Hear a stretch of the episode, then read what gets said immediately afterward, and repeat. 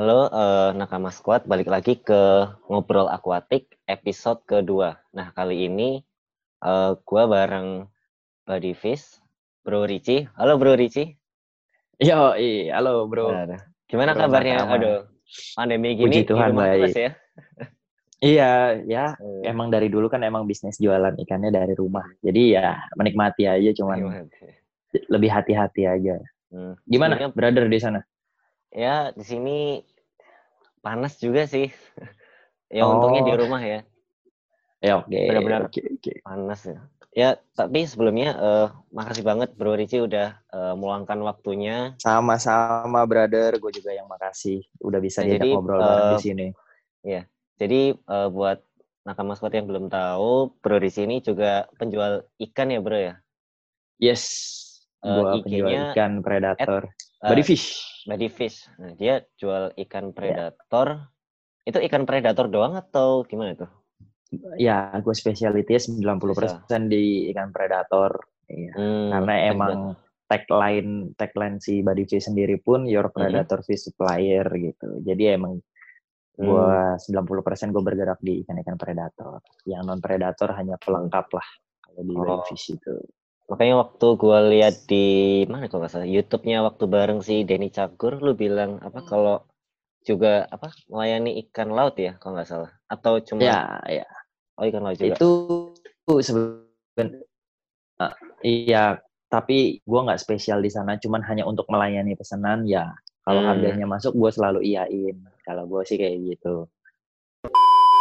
Jadi uh, pandemi gini kan orang-orang pasti di rumah dan uh, apa ya?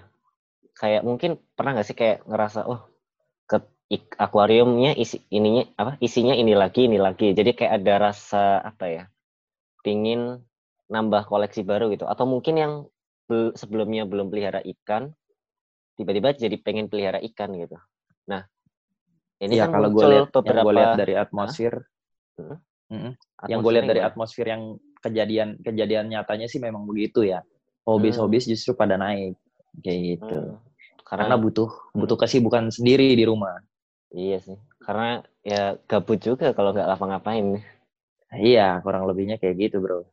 Dan ya, karena tadi ada apa istilahnya orang baru yang mungkin uh, terjun di dunia ikan, khususnya ikan predator ya. Ini kan hmm. artinya ada istilahnya pemula-pemula baru gitu di dunia predator itu. Ya, nah, sedangkan betul, sedangkan di ikan dunia ikan predator ini nggak semua ikan loh untuk bisa dipelihara buat pemula kadang orang kan oh karena bagus gitu asal beli gitu ya mungkin kalau ya. secara apa ya finansial uh, kuat gitu ya masih apa hmm. istilahnya masih ya oke okay lah gitu tapi kalau misalkan dari segi finansialnya istilahnya apa ya agak seret gitu ketika nggak bisa pelihara gitu kan salah gitu kemudian ikannya mati kan repot juga gitu kan Iya kayak gitu memang sebenarnya skill-skill dasarnya tuh harus paham dulu baru kita baru mulai uh, hmm, melihara ya, ya, terutama di ikan predator. Ya, basicnya dulu basicnya dulu Pak harus pasti lah. Minimal kita searching-searching di Google atau di YouTube hmm. juga udah banyak info baru kita mulai eksekusi iya, ke ya. pemeliharaan ya. ikannya langsung. Hmm, misalkan gua nih uh, sebagai pemula. Nah, uh -huh. Sebagai uh. pemula gua udah baca-baca nih. Oke, cara merawatnya seperti ini, alat yang dibutuhkan seperti ini. Nah, ketika milih ikan nih, kira-kira ikan apa aja sih yang uh, untuk pemula ya? Oke, jadi gini, biasanya kalau pemula ini dimulai, nih gue ambil rata-rata ya, gue ambil hmm. rata-rata. Hmm. Kalau pemula itu dia akan mulai di tank kurang lebih ukuran satu meter untuk predator fish. Hmm, rata-rata ya? Ya, rata-rata yang gue temuin di masyarakat lah. Gue ambil rata-rata. Mungkin ada yang 120, okay. mungkin ada yang 80. Cuman gue ambil rata-rata di satu meter. Oke, okay, hmm. gue jadi berpatokan sama tank ukuran 1 meter untuk si pemula tersebut. Oke. Okay. Dengan media filter mungkin seperti kapas dan bioring. Hmm.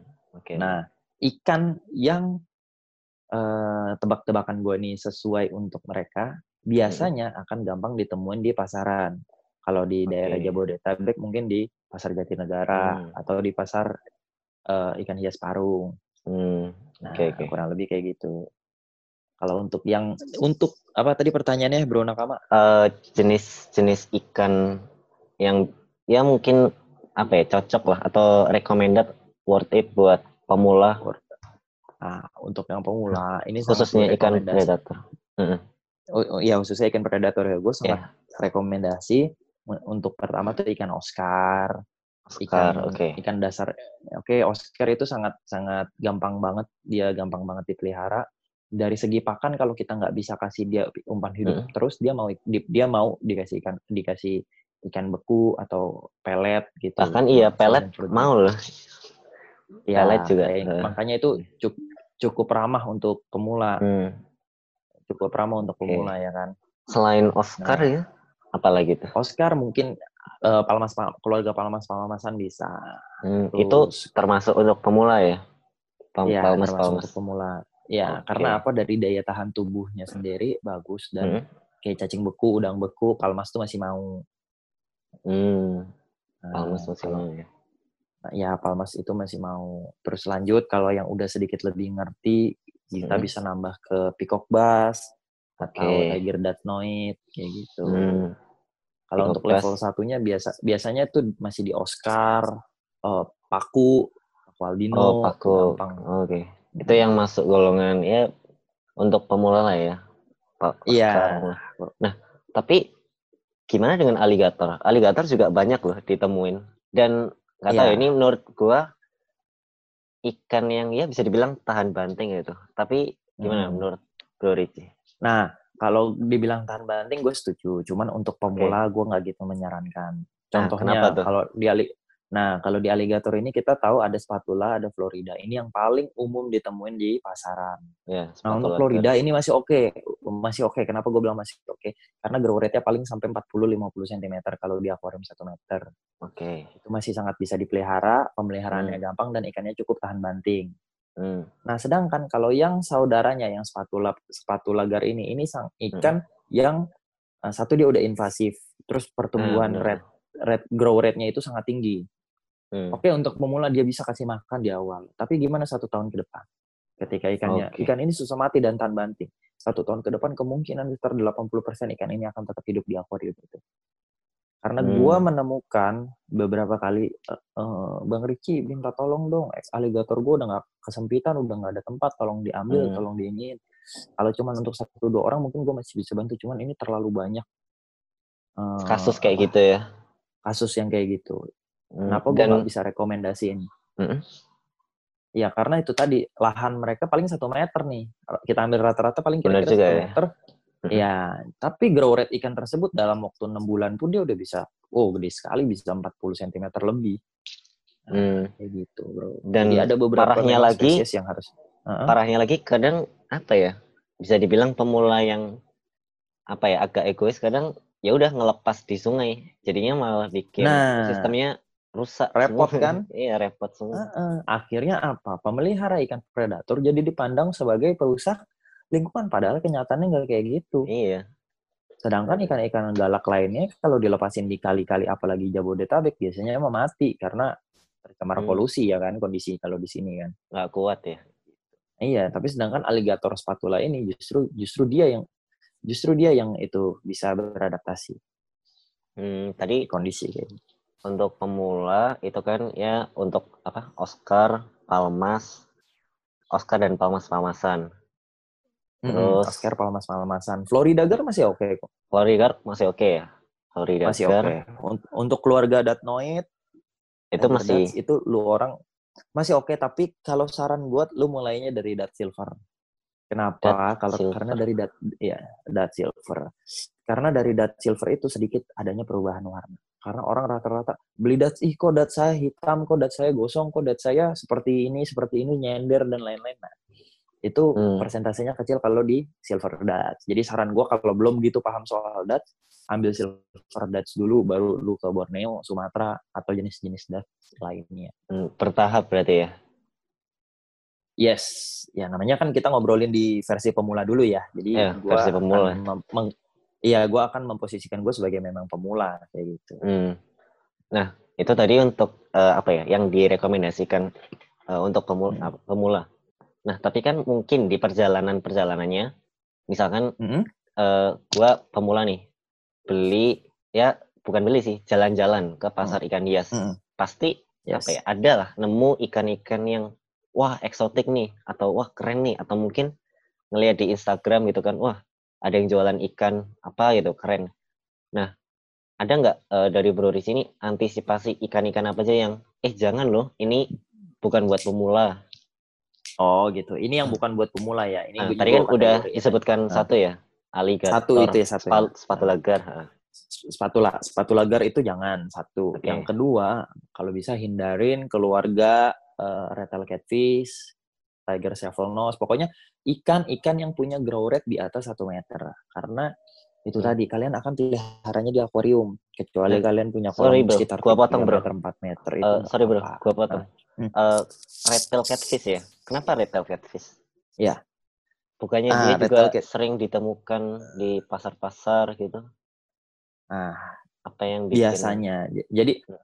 red tail catfish ini sangat lucu kalau dipelihara di size sekitar 10 sampai 30 cm Nah, okay. yang gue temuin kadang-kadang kiperas-kiperas kita akan akan mulai sesek dipelihara itu di size sekitar 60 cm tuh mereka udah mariumnya dari umpaninnya dan biasanya mulut-mulut lele ini agak tidak hmm. nggak hmm. bisa dikontrol apalagi dari seorang pemula yang belum tentu tahu oh lele ini ternyata bisa makan temannya sendiri loh jadi gue nggak rekomendasiin kenapa satu dia bisa makan hmm. sendiri misalkan yeah. misalkan Ah, uh, tadi di Red Tail Catfish ya? Kita yeah, udah mulai record lagi ya? Hmm. Nah gitu, jadi untuk pemula gue cuman takutnya gini, hmm. beliau tuh uh, teman-teman sahabat ikan ini nggak tahu oh ternyata Tail Catfish ini mulutnya uh, terlalu lebar, jadi tank mat yang seukuran kira-kira setengah badan dia yang penting muat di mulutnya biasanya kena hap gitu langsung hilang. Hmm. Nah itu kejadian-kejadian menyedihkan yang gue nggak mau terjadi di pemula kayak gitu. Tapi kalau hmm. kamu uh, teman sahabat ikan ini punya punya tank sekitar satu setengah meter gitu, yang kira-kira untuk grow rate dia sampai dewasa itu cukup, hmm. ya silakan dipelihara aja. Tapi untuk pemula, uh, gue nggak gitu rekomendasiin. Hmm. Banyak kok tipe-tipe lele lain yang nggak gitu gede ya. Iya masih banyak ya. Iya. Selain keluarga baung itu masih kecil-kecil. Oh, baung Red boleh ya? catfish itu baung baung ada baung boleh banyak kok yang pelihara baung-baung kecil kayak gitu. Hmm iya sih kadang. Nah selain red catfish sepatu lagar, uh -huh. mungkin Hindarin ikan, ikan, uh -huh. ikan yang keren-keren nih kayak apa Paira, Goliat atau mungkin apa lagi? Uh, nah pari air biasanya tawar. gini bro Nah, itu memang uh, butuh pengalaman untuk ngekip ke uh, arah ikan-ikan predator yang menurut gua kelasnya menengah ke atas. Karena hmm. belum tentu biasa ditemuin di uh, pasar ikan pada umumnya kayak gitu. Benar sih. Jadi seiring ya, bertambahnya ilmu, mereka akan se seiring bertambahnya ilmu, mereka akan searching-searching sendiri dan mulai bergeser nih. Uh, belanja hmm. yang tadinya di pasar jadi order online karena dia udah berani dan dia udah percaya diri sama kemampuan dia menjaga ya. dia kayak gitu hmm. Mm -mm. kurang lebihnya jadi kayak gitu jadi ntar dia akan sih. ketemu nih di titik oh gue mau ngekip goliat gue mau ngekip ikan pari gue mau ngekip uh, payara hmm. mau ngekip ya ikan-ikan uh, lele mahal kayak tigrinus hmm. okay. ikan kayak gitu-gitu nah kalau nah. misalkan ikan yang sempat viral nih arapaima nah, gimana tuh nah arapaima nah jadi arapaima ini kenapa sempat viral Nah, ini Arapaima itu bahkan penghobis-penghobis yang udah setahun dua tahun pun masih kadang yang suka gergetan, eh gue mau dong pelihara ikan Arapaima, gue mau dong pelihara ikan Arapaima. Tapi dia nggak tahu hmm. kalau Arapaima itu tubuhnya bisa sampai tiga empat meter. Gede, gede banget tuh. Gede, gede banget. Dulu waktu viral itu berapa ya? Tujuh, tujuh ekor kalau nggak salah. Tujuh atau tiga belas. Iya. Gue lupa. Ya pokoknya belasan ekor itu yang ah, terliput kamera, yang nggak yang nggak terliput kita nggak tahu ya. Hmm Sekitar nah, jadi itu. jadi gini, Bro. Kalau kita beli hanya ukuran 20 cm mungkin kita masih oke okay lah ngumpan. Okay. Ketika ikan udah masuk size ukuran 1 meter. Hmm.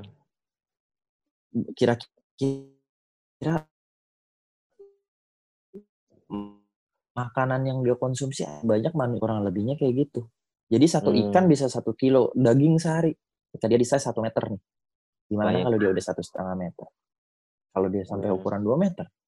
Nah, kayak gitu. Jadi nggak semua orang bisa punya kemampuan untuk ngasih makan ikan yang setiap harinya konsumsi daging sekitar 1 sampai 2 kilo untuk satu ekor ikan kayak gitu, Bro. Bahkan hmm. bukan hanya pemula, orang-orang yang menengah pun yang udah setahun dua tahun pelihara ikan predator seperti arapaima kayak gitu. Hmm. Pun pasti kewalahan, Bro. Kalau iya sih, dari gitu. segi pakannya juga termasuk rakus ya si arapaima itu. Iya. Iya, mahal, Bro. Hmm. Jadi harus ngelihat kondisi uh, finansial juga, ntar malah jadi ngeganggu kebutuhan rumah tangga. Gitu. Benar juga sih. Kadang apa ya, ada orang yang nggak mikirkan dari apa ya jangka panjangnya hmm. entah itu Betul. dari segi akuariumnya atau pakannya hmm. dan begitu lain-lain. dilepas ke alam kayak kejadian yang waktu itu kita tahu ya kan udah nah, jadi invasif viral akhirnya nah, jadi, yang jadi kambing hitam itu korban. semuanya gitu jadi nah, apa kayak gitu bro nah akhirnya imbasnya setelah gua belajar dari hmm? dari kasus seperti itu, makanya gue tidak merekomendasikan ikan-ikan seperti sepatu lagar, red tail catfish, ikan-ikan yang bersifat invasif, bahkan toman pun hmm. yang asli Indonesia, hmm. kalau bisa kalian gak usah pelihara lah, biarin aja dia di alamnya. Hmm, kenapa? Gitu. Karena ya pertama dia memang ikan liar bro, dia memang ikan invasif. Hmm. Kalau di, gue nggak apa ya, kalau memang mau pelihara toman semua pun nggak masalah, cuman biasa toman kan makan korban. Bener. Dia gampang yeah. ngebully ikan yang lebih kecil. Iya gitu. Kayak toman tiga puluh cm, lu punya peacock bass hmm. 20 cm, biasanya itu dipotong dua sama dia. Oh, ngeri juga. Kalau udah tahu Iya, kalau udah tahu cara ngadapinnya sih nggak apa-apa. Cuman kalau untuk pemula yang belum punya pengalaman, pasti nanti panik gede. juga. Itu ada iya. kejadian. Betul. Ada kok gabus maru yang bagus-bagus, kayak gitu yang bisa dikomteng juga, nggak harus toman. Jadi ya, hmm. pinter-pinter nah, kita iya. cari pelihara uh, banyak lah. Banyak mention juga yang mention di nakama itu kebanyakan mm-hmm. cana cana cana dan rata-rata cana itu cana maru. Mungkin nah, itu yang kenapa emang cana maru pas ya? Ya, menurut gue juga dia pas. Dia bisa di komteng, dia bisa di single tank, dia bisa di kolam. dari Irfan Hakim juga ada, ya kan? Dari segi Emang, si Cana Maru ini gimana? Aman? Uh, dia sedang sih. Dia sedang. Kok ya? paling okay. pernah lihat dia sekitar 60 70 cm. Hmm. Ya masih oke okay lah, Bro. Ya, kalau okay. untuk di dipelihara di akuarium ya. Hmm. Tapi kalau dari apa? Uh, pembeli-pembeli brewery sini di Body Fish kebanyakan huh? pemula atau udah apa ya sih? Udah uh, berpengalaman kalau untuk body fish kebetulan hmm. pasti dia yang menengah ke atas. Iya, maksudnya hmm. udah satu dua tahun ke keep terus selebihnya ke atas kayak gitu. Oh. Karena terlalu susah untuk body fish menjangkau uh, mm-hmm. dalam tanda petik pemula. Karena apa? Pemula akan belajar di tempatnya sendiri kalau menurut gua. Hmm, maksudnya di tempatnya sendiri Jadi, itu apa tuh? Di mananya? Kayak di kayak Mas nih. Uh, okay.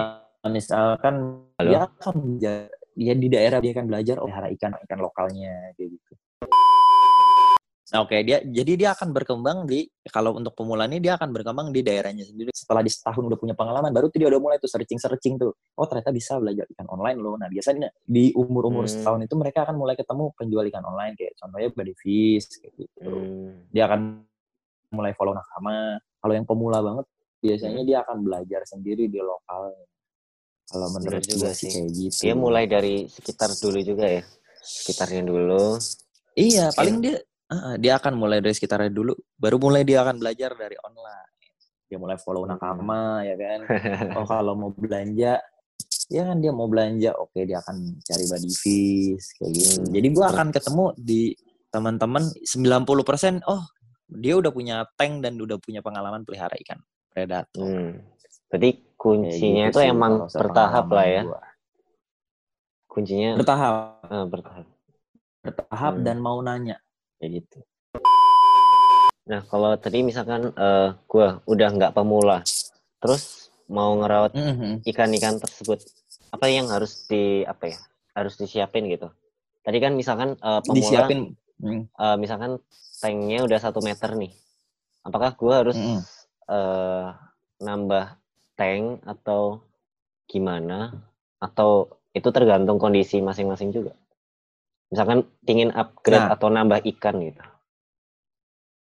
Ya, jadi pertama nyesuaiin dulu, uh, hmm. nyesuaiin tempat ya, tempat yang ada nih. Kita nyesuaiin okay. dulu nih tempat hmm. yang ada. Kalau emang tempat yang ada memungkinkan untuk kita punya akuarium lebih besar, ya kenapa enggak kalau gitu. Ya hmm. kan ini kan untuk hobi kita juga di rumah. Tapi hmm. kalau enggak ya artinya jangan maksa juga. Kita bisa kok beradaptasi dengan uh, tank satu meter mungkin disusun rak atas bawah dua kayak gitu, hmm, itu kan bisa. Hmm. Dari nah, segi kalau, tank ya? Kalau memang mempunyai kecepatan iya. Nah kalau kita mau cari ikan yang lebih banyak ya kita berarti harus berani juga siapkan tempat yang lebih besar. Karena hmm. jangan mau belinya 10 cm dan berharap dia setahun akan tetap 10 cm ya kan? Tahun depan bisa 30 cm misalkan. Nah jadi kita juga iya kita juga harus berpikiran oh terlalu padat enggak? Kayak gitu. Kalau ya, terlalu padat kayak ngurus anak lah ya anak ini pasti berkembang iya, gitu jangan, Betul. Nanti kalau semuanya udah hmm. besar, masih bisa nggak tetap dikasih makan dengan sesuai porsinya? Hmm, benar Gitu, bro. Jadi dari segi pakan, dari segi akuarium, kalau dari filter, uh, ada perubahan uh, drastis nggak? Atau menyesuaikan kapasitas akuarium? Betul, harus menyesuaikan kapasitas dari akuarium. Kalau gua patokannya kurang lebih 30% dari volume air di akuarium. Itu untuk hmm. uh, volume filtrasinya. Dengan diisi dengan sistem dan media yang tepat. Yang biasa okay. udah dijelaskan. Mekanik, biologi, hmm. dan kalau perlu kimiawi. Kalau perlu aja, tapi kalau nggak perlu hmm. juga nggak apa-apa. Kayaknya ada yang ketinggalan deh. Kalau misalkan ikan peacock bass, nah itu untuk pemula atau enggak tuh? Oh, kalau untuk ikan peacock bass, iya ikan peacock bass itu uh, kalau menurut ya itu untuk pemula. Karena apa? Satu dia gampang dipelihara, dua dia gampang dikasih makan, dan hmm. yang ketiga pun captive udah captive breed ya di lokalan udah gampang banget ditemuin kayak gitu. Hmm. Jadi terlalu buat teman-teman yang belum tahu bukan captive pemula. breed itu apa? Captive breed. Captive breed itu sudah diberanakan secara uh, apa ya? Secara secara rutin lah gitu. Maksudnya indukannya udah ada di Indonesia dia udah ber, udah beranak di Indonesia gitu. Udah ternakan okay. lokal udah diternak. Hmm, oke. Okay. udah diternak udah diternak. Aman ya, ya jadi udah diternak uh, uh, jadi udah aman. Ya memang indukannya juga udah di Indonesia dan ya ikannya memang udah bertahan di Indonesia kayak gitu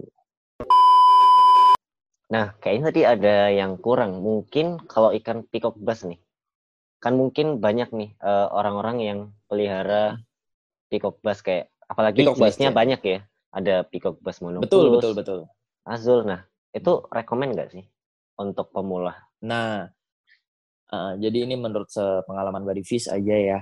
Uh, menurut gue ini sangat rekomendasi karena apa? Karena peacock bass ini pun sendiri, ter, peacock bass sendiri pun udah captive breed di Indonesia yang artinya sudah ternak lokal di Indonesia.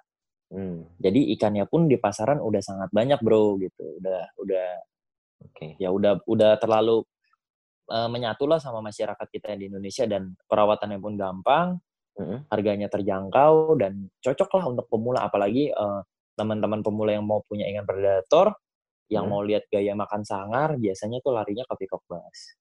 Hmm, iya sih. Apalagi gitu. ketika dia kasih gampang. makan, ketika oh, dia dikasih ya kan makan itu uh, yes. rakus banget tuh. Uh, nyam, nyambernya kan keren banget kan. Nah, nah hmm. di situ biasa yang ngeracunin untuk pelihara uh, predator-predator keren lainnya. Peacock bass hmm. ini uh, ya racun terbaik lah untuk penghobi baru. ya. Iya. Canduan. Iya benar Oke. Ikan iya serius ikannya sampai 40 50 cm enggak untuk di akuarium warnanya cerah ya kan? Mm -hmm. Marking-markingnya juga macam-macam ya untuk tiap jenisnya ya. Iya, apalagi banyak apa? Banyak marking dan untuk tiap jenisnya beda-beda itu mungkin yang jadi daya tarik. Ya. koleksi peacock bass yang rame-rame kayak gitu. Hmm. Nah, Bro Dici kita udah di penghujung uh, sesi video. Nah, yes, kira-kira ada pesan nggak sih uh, atau apa ya pesan atau kesimpulan buat pemula yang mungkin baru mau pelihara atau mungkin dia udah pelihara tapi masih apa ya struggle masih oh, masih struggle. Nah. Ah, pertama bro kalau ya. untuk para pemula, gue juga pernah jadi pemula. Hmm. Pertama yang kita harus lawan adalah nafsu kita sendiri. Jangan keburu-buru penuhin akuarium, penuhin akuarium, tapi kita nggak ngerti cara menjaga kebersihan akuarium kita. Hmm, kayak kayak gitu. Pertama, uh, yang penting ada dulu aja ikan lo. Ikan lo mau makan sehat dengan lancar tiap hari. Hmm. Jangan keburu-buru harus langsung penuhin. Hmm. Pilih selektif lah. Pilih yang sesuai ukurannya. Jangan terlalu padat. Hmm. Yang penting ikannya itu tetap sehat. Nggak usah terlalu uh, pengen keren pengen keren banget yang penting ikan sehat dulu aja dan kalian rawat sepenuh hati iya serius yang penting hmm. kalian rawat sepenuh hati setahun dua tahun itu nggak berasa atau ikannya cantik sendiri kok serius nah hmm. yang kedua hindarin uh, apa ikan-ikan yang tadi gua nggak rekomendasiin karena grow okay. terlalu besar kurang cocok di akuarium dan sifatnya terlalu uh, apa invasif. Jadi kalau dibuang hmm. ke alam pun justru dia survive dan malah ngerusak alam. Hmm. Gitu. Bahkan yang ngurus apa ya, bukan perusahaan. Bahkan yang lepas Arapaima waktu viral itu bisa dibilang bukan pemula loh. Dia udah punya kolam gede, Arapaimanya besar-besar. Bisa dibilang betul. Uh, yang apa bisa dibilang yang advance atau yang udah berpengalaman aja bisa betul. seperti itu gitu. Takutnya betul. Dia blunder kan? Iya, blunder. Iya, karena berapa belas ekor ya kan ya harus ngasih makan blunder hmm. blunder karena kesalahan diri sendiri nah itulah yang makanya okay. Mending dihindarin dulu Hindari deh. nanti kalian ya. kalau udah tahu konsekuensinya baru silakan coba satu hmm. ekor satu oke okay. yes uh, ada lagi tuh selain itu nah nafsu menghindari udah kayaknya itu oh Oke, okay. makasih Bro Riki. Itu uh, udah kurang lebih rekomendasi dari aku itu ya. ya. Oke, okay. uh, eh, buat yang belum follow uh, Instagram Bodyfish, Instagramnya apa? At, Bodyfish titik at ID. At Bodyfish titik ID. Ya, okay, Bodyfish nah, titik ID. Buat angka maskot yang belum tahu, aja untuk cek okay. stok, cek stok. Nah, gitu. tapi juga punya channel YouTube ya? Yes, brother di Bodyfish Channel. Bodyfish Channel, oke. Okay. Ada apa aja sih videonya tentang? Uh, tentang eh, gue rata-rata sih tentang review ikan-ikan sama hmm. uh, kurang lebih gue keseharian gue sebagai pedagang ikan lah kayak gitu. Seputar gue review kebanyakan ikan yang gue ya, ikan predator ya. Hmm? Ya, memang itu gue di spesialisnya memang di ikan predator. Oke, makasih Bro Ricci. Uh, buat kesempatannya. Siap. Makasih banyak juga dikasih kesempatan ngobrol-ngobrol bareng Nakama Squad. Uh, sekian dari uh, ngobrol akuatik. Sampai jumpa di episode selanjutnya ya.